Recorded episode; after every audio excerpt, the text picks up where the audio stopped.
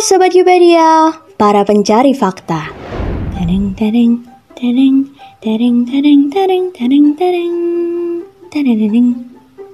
Tidak pemirsa, tidak begitu serius pembahasan di Yupedia Podcast episode ke-44 hari ini bareng Pibi. Santuy tapi mengedukasi, memberikan materi yang tak pernah diungkap oleh sekolah, namun penting untuk disimak menjelang hari kemerdekaan yang tinggal sehari lagi dari tanggal tayangnya podcast ini. 17 Agustus 1945 telah menjadi sejarah terbesar di Indonesia.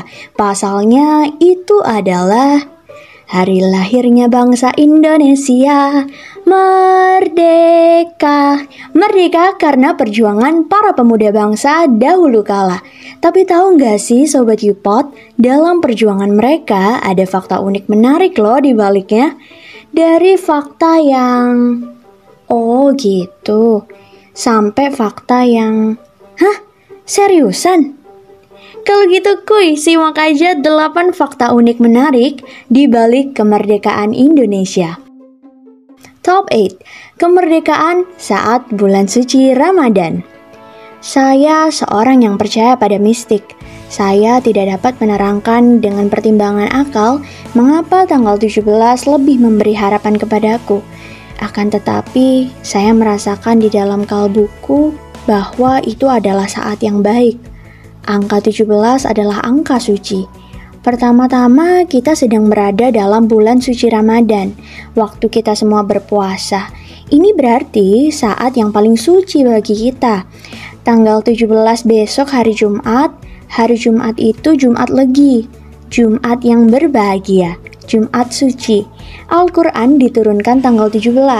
Orang Islam sembahyang 17 rakaat. Oleh karena itu, kesucian angka 17 bukanlah buatan manusia. Terang Bung Karno. Top 7. Presiden Soekarno melawan keadaan demi kemerdekaan. Pada saat itu, Soekarno terkena gejala malaria tertiana yang mengakibatkan suhu badannya tinggi. Ia sempat mengeluh pating greges dalam bahasa Jawa badan linu karena demam artinya kepada dokter pribadinya ketika dibangunkan. Tapi setelah mendapatkan sedikit perawatan, beliau bangun pukul 9 pagi dan membacakan teks proklamasi pukul 10 pagi bersama Muhammad Hatta.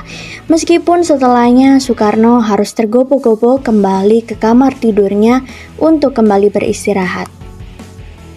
Top 6 saat mau dibacakan, naskah asli proklamasi ditemukan di tong sampah.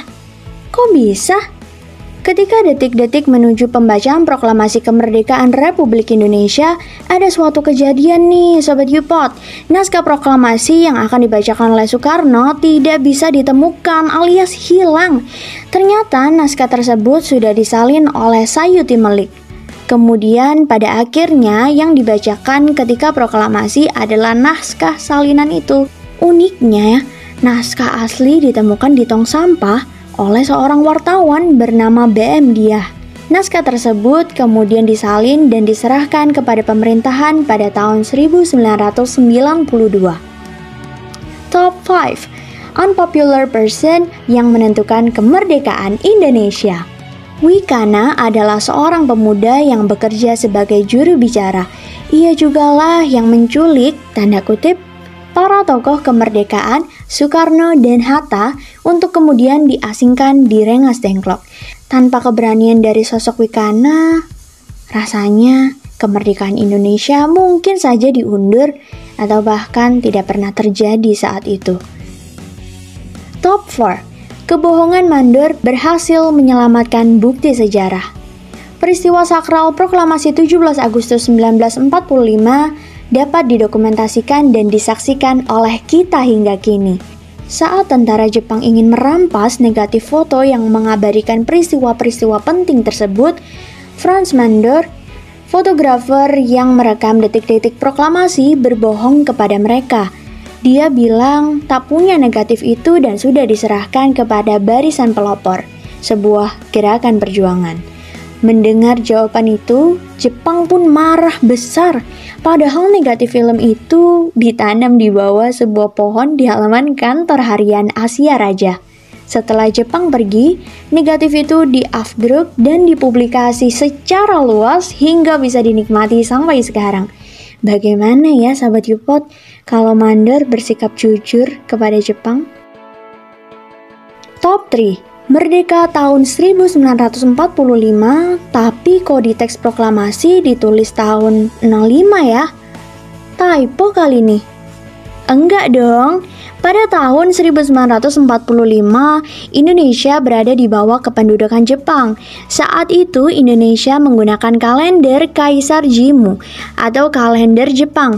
Nah, tahun satu kalender Kaisar Jimu lebih awal 660 tahun daripada Masehi atau kalender Gregorian. Sehingga tahun Jepang berdasarkan kalender Kaisar Jimu dihitung dengan menambahkan 660 pada angka tahun Masehi tahun 1945 kalender Gregorian sama dengan tahun 2605. Jadi tahun 05 yang tertulis di teks proklamasi merupakan kependekan dari angka tahun 2605.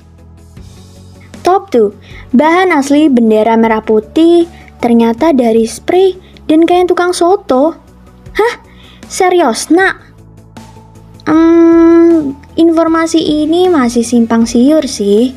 Dilansir dari buku Fatmawati, catatan kecil bersama Bung Karno volume 1, pada tahun 1978, beliau menjelaskan bahwa kain untuk bendera pusaka tersebut ia dapatkan dari pemberian Khairul Basri, seorang perwira Jepang.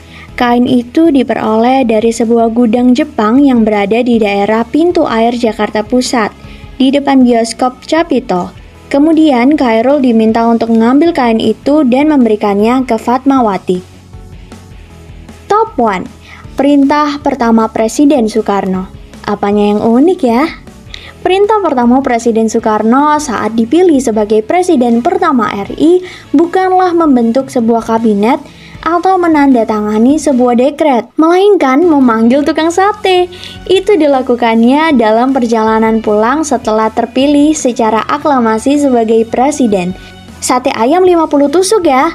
Dan itulah perintah pertama pada rakyatnya sekaligus pesta pertama atas pengangkatannya sebagai pemimpin dari 70 juta jiwa lebih rakyat dari sebuah negara besar yang baru berusia satu hari. Ada-ada aja ya, kemerdekaan Indonesia memang punya cerita.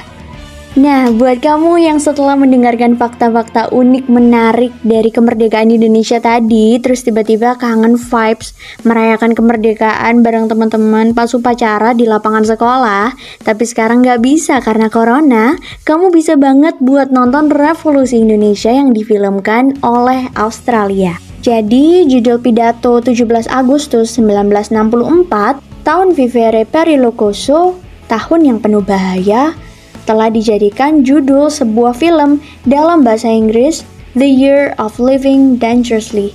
Film tersebut menceritakan pengalaman seorang wartawan Australia yang ditugaskan di Indonesia pada 1960-an pada detik-detik menjelang peristiwa berdarah tahun 1965. Film yang dibintangi Mel Gibson itu mendapat Oscar untuk kategori film asing. Deh, segitu dulu ya.